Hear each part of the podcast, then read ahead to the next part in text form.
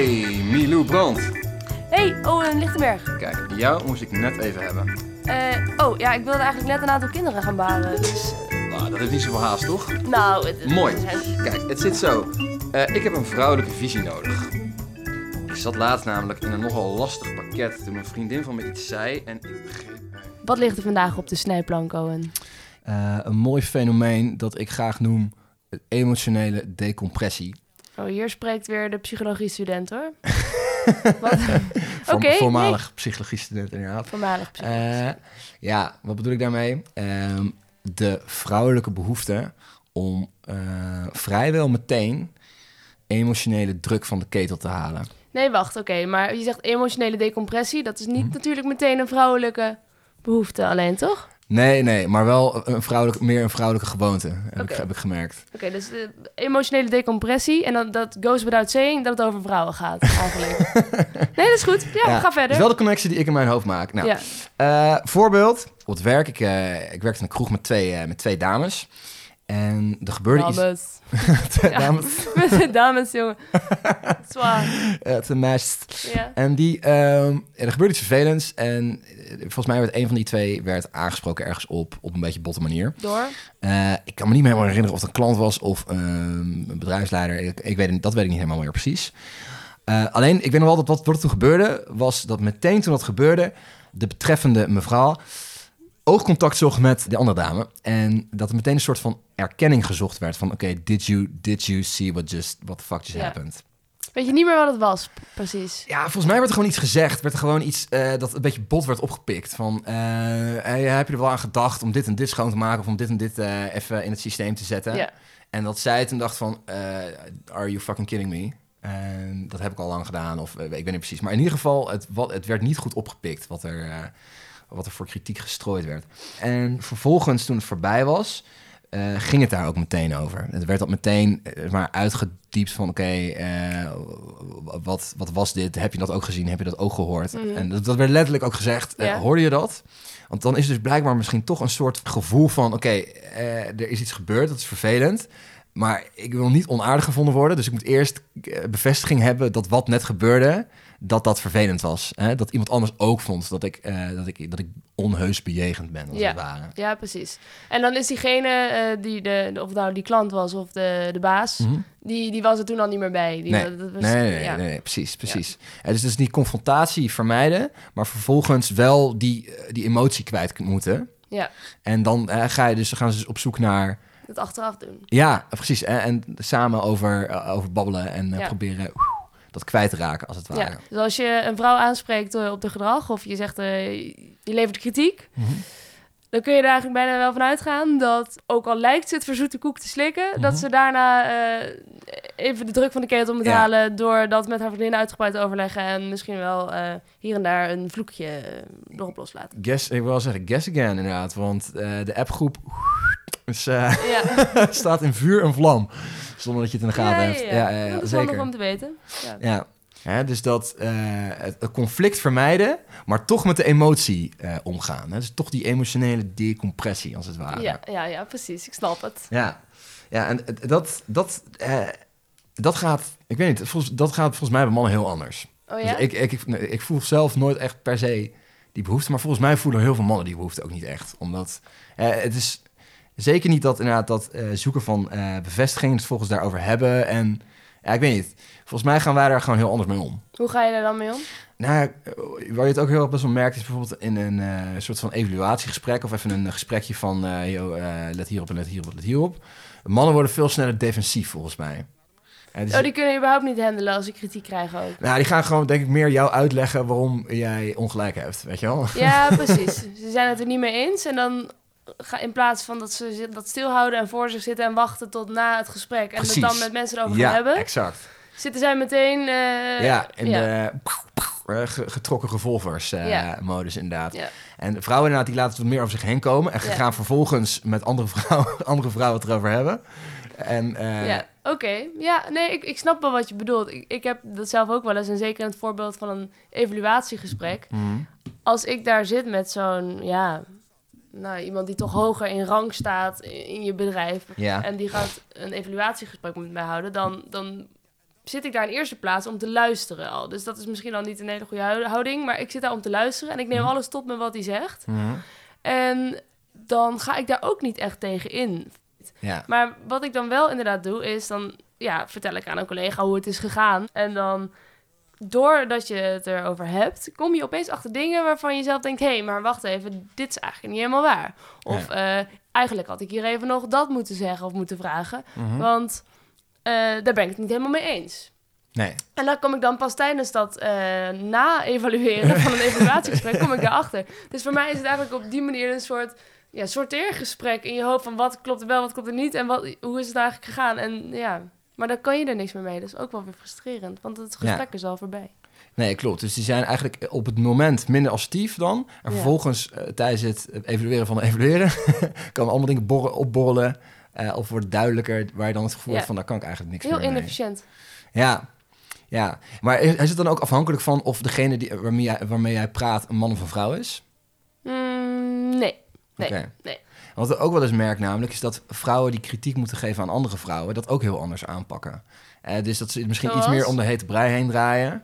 En dat ze minder, omdat dat zij erkennen bij een ander, als zij als vrouw met een andere vrouw in gesprek zijn, dat zij erkennen dat die dingen, dat, dat, dat je dingen op een bepaalde diplomatieke manier moet verpakken, omdat ze anders persoonlijk opgevat worden en er niks mee gedaan wordt, als het ware. Ja, of dat je de relatie verstoort eerder. ja, precies. eerder. Dus dat je inderdaad een beetje die re- re- relationele spanning en eh, zeg maar het doel van het gesprek, Ja. dat dan elkaar begint soort van tegen te werken. Ja, Eh, dat je inderdaad eh, op je tenen gaat lopen in zo'n als, omdat je niet gewoon direct durft te zijn. ja. En dat, ik weet niet, dat vind ik heel... ehm, ja, dat vind ik wel maf ergens. Want precies wat jij zegt, dat daarna het daarover lekker over gaan hebben... eh, dat, is, dat is natuurlijk wel eigenlijk best wel gezond, denk ik. Ja, om het voor jezelf helder te krijgen. Ja, maar ook inderdaad wat ik eh, bedoel, die, die emotionele decompressie. Eh, als, ik bedoel, ik heb ook best wel eens een, een frustrerend gesprek gehad met iemand... of g- me daarna een beetje kut gevoeld, omdat ik dacht van... nee, maar daar ben ik niet helemaal mee eens. Ja. ja. En ja, nogmaals, heel, eh, sommige... eh, het is misschien ook wel iets meer man-eigen om dan al in dat gesprek de hakken in het zand te gooien... en een beetje meer defensief eh, al uit te gaan leggen waarom diegene het mis heeft. Maar eh, meestal wordt dat gewoon weggestopt. Want eh, het gebeurt niet zo vaak dat het dan vervolgens mannen daarover nog met elkaar onderling gaan praten. ja. En dat is toch meer een cultuur van wegstoppen en eh heet het, deksel erop. En we hebben het er niet meer over. ja. En daarom vallen mannen als, als vliegen uit de lucht eh, op een vijftigste. Ja. Weet je, al die weg, dat ze vroeger een draai om hun oren kregen... omdat ze niet mochten huilen omdat Bambi eh, zijn moeder verloor. Weet je, dat soort dingen. Ja, en nu lopen ze allemaal dakloos rond, maar zijn ze nog steeds niet gewend aan hulpvragen.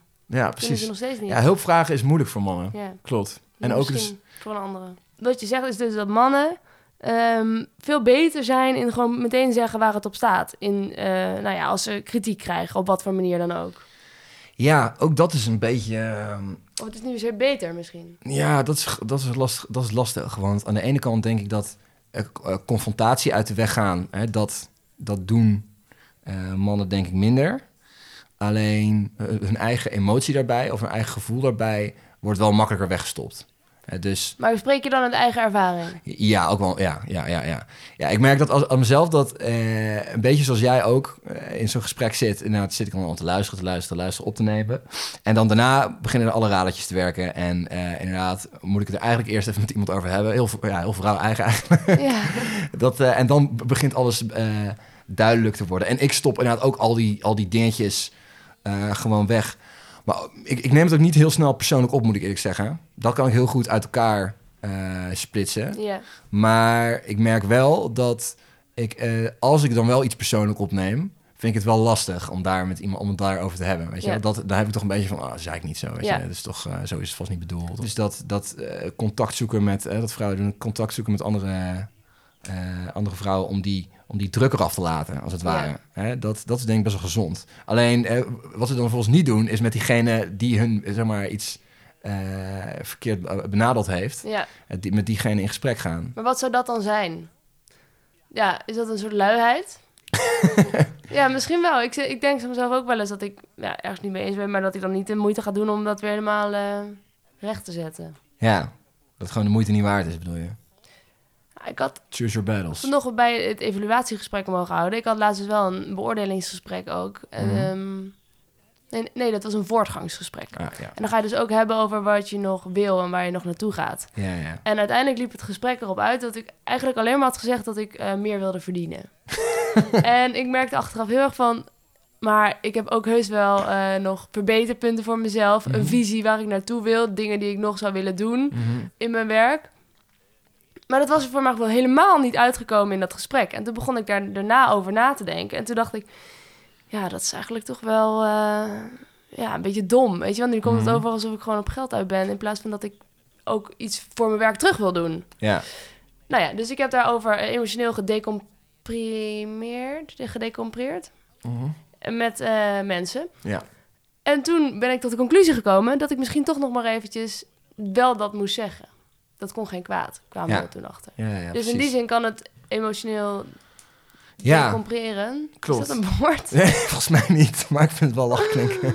Eh, dan kun je dan, eh, dan kan het wel Ontlasten. leiden tot iets goeds. Gadverdamme. Emotionele ontlasting. Emotioneel ontlasten. Nou, dat is het Ja. in feite wel. Ja, dat is het, precies wat het is inderdaad. Ja, klopt. Ja, eigenlijk niet zo stom, zo'n slecht idee. Hè. Normaal als vrouwen zijn Maar ook... doen, doen mannen überhaupt niet aan emotioneel ontlasten, Ja, denk je? Ja en nee. En ik denk dus inderdaad vooral een moment... Maar jij dan, hè? We het even bij jou houden. Ja, ik heb dat echt moeten leren. Ik heb dat echt Hoe moeten leren. Nou ja, omdat je... eh, ehm, ook omdat ik wel een beetje uit een mannengezin kom. Ja. Eh, broertjes, stiefbroers. En altijd veel chaos en veel eh, met dingen smijten en gooien. En Dat is ook emotioneel ik wil zeggen, dat is een vorm van emotionele ontlasting. Ah, we zijn opeens achter waarom alle mannen zo gewelddadig zijn in deze maatschappij. Dat is pure emotionele ontlasting. Ja, klopt. En ehm, Ja, echt? nou, voor een groot gedeelte wel. Ja hoor, ik denk dat heel veel eh, van eh, agressie en die dingen eh, gewoon ook een onvermogen is om met bepaalde dingen om, om te kunnen gaan. Ja. Als ik kijk naar waar ik me, me vroeger met mijn broertjes ruzie over maakte, dan is het echt gewoon frustratie, frustratie, frustratie, boiling point. Ja. En de glazen gaan door, gaan, gaan, gaan Ja. door de keuken heen. Ja.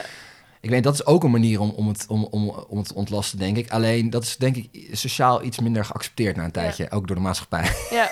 Wat niet Nou verkeerd is. Misschien is het ook wel voor vrouwen dan ook wel huilen. Ja, maar ik denk dat in ehm, de meer publieke setting of de professionele setting kunnen mannen denk ik wat beter assertief zijn. Eh, dus ik heb er niet zo heel veel moeite mee om als eh, bijvoorbeeld als, als, ik, als ik samenwerk met een andere man en die ge- geeft mij om een flikker ergens om, kan ik dat prima, eh, heb ik ge- geen problemen mee. Nee, oké, En- maar dat is die per se man eigenlijk denk ik. Dat kan ik ook. Ja, nee, oké, klopt. Uh, Maar dat, dat, dat is dus een beetje die, ehm, die, die, hoe zeg je dat? Die, dat samenspel wat dus een beetje afhankelijk is van ook denk ik hoe de groep samen is gesteld. Bijvoorbeeld als ik met alleen maar mannen werk, dan is het best wel bot tegen elkaar. En best wel eh, gewoon bam, bam, bam, even doorpakken. Voel en, jij je eh, dan op je plek? ja, en dan kan ik prima mee omgaan. Weet je? En dan, eh, dan heb ik er niet zoveel probleem mee. En dan komt dat, dat eh, die emotionele ontlading ook heel goed tot uiting. Dat is heel, gaat om een hele gezonde manier van... Yo, eh, gozer, we moeten nu even doorpakken, want dit en dit en dit. Ja. hier reet. Geen problemen. Maar als daar bijvoorbeeld als er een vrouw ook tussen zit... Dan, dan moeten we... Is in één keer die hele... eh, dynamiek anders. Hè? Want Ja. dan, die kun je niet... eh, heb je dan het gevoel, althans... Ja, dat, heb, dat is puur jullie probleem, denk ik. Ja. Vrouw kan daar ook prima mee omgaan. Ja, dat, precies. Dat is misschien een beetje een, voordeel dat we dan hebben. Van dat, we, dat we die niet achter de flikker kunnen... eh, Met, op dezelfde manier kunnen bejegenen als het ware. Ja. Dat, dat Is dan, dat echt zo? ja, ik zie dat is echt een wereld van verschil hoor. Ja, ja, aan de ene kant zou je kunnen zeggen dat... Ja, misschien is het ook wel een beetje stom. Want dan, dan gaan mannen namelijk ook dingen opkroppen.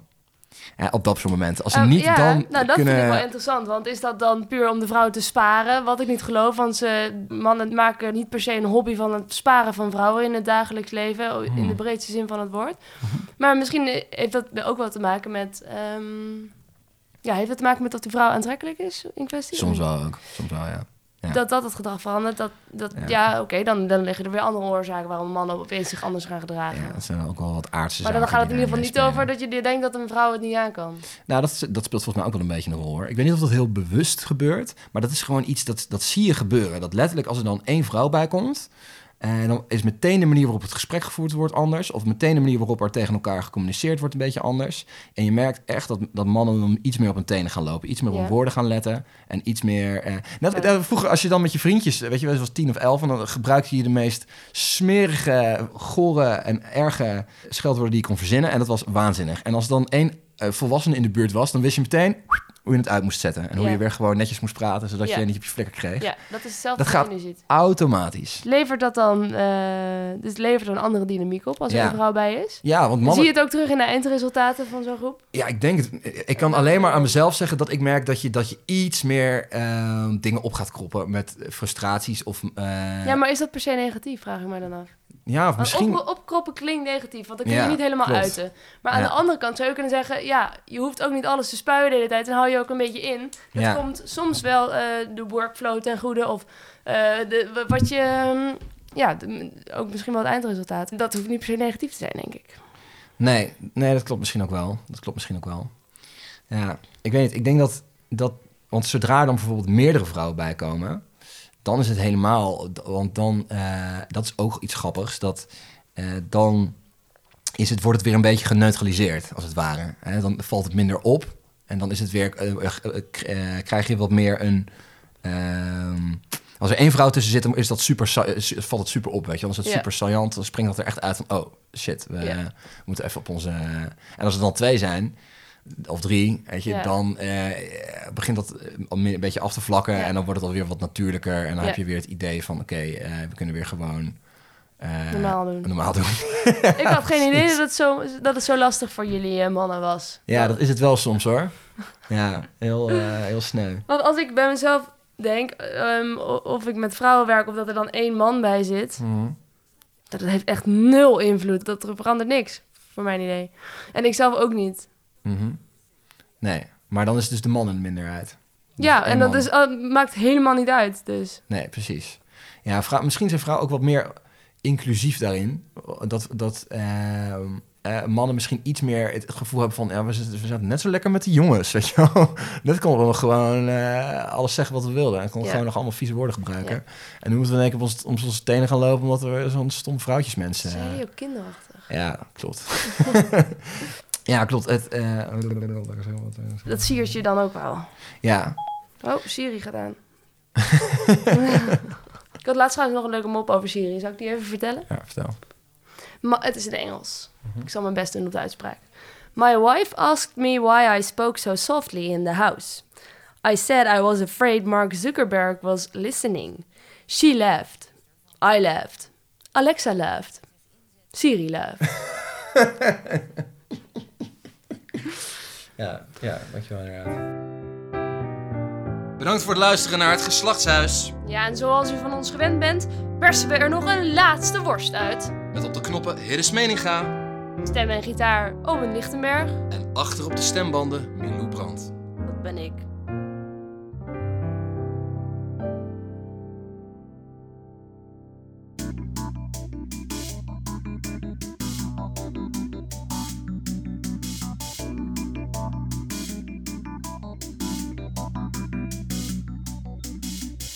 Zei tegen mij dat ik naar die fooi wel kon fluiten. Oké. Hij zei tegen mij, "Pff, voor een lopend beroep heb jij echt waardeloze kuiten. Nee, echt? Hij zei tegen mij dat er viezigheid zat op zijn bierglas. Ja hoor. Hij zei tegen mij, jij hebt echt een gezicht voor de afwas. Wat? Dat meen je niet. Ik voel de druk oplopen. Ik heb zin om iets te slopen. Die rammelt aan het hek en de sluizen willen open. Hij zei tegen mij, leuk dat je eens een keer make-up op doet. Maar ik vind die kleur lippenstift je eigenlijk niet goed staan. Serieus? Hij zei tegen mij, prima zo'n spijkerbroek. Maar wanneer trek je nou eens een keer wat leuks aan? Echt? Hij zei tegen mij, ze zijn nu wel groter. Maar voor de operatie stonden je borsten een stuk rechter. Nou, dat kan echt niet. Hij zei tegen mij: Zal ik je anders voeren? Door een trechter. What the fuck? Ik voel de druk oplopen. Ik heb zin om iets te slopen. De bier die rammelt aan het hek en de sluizen willen open.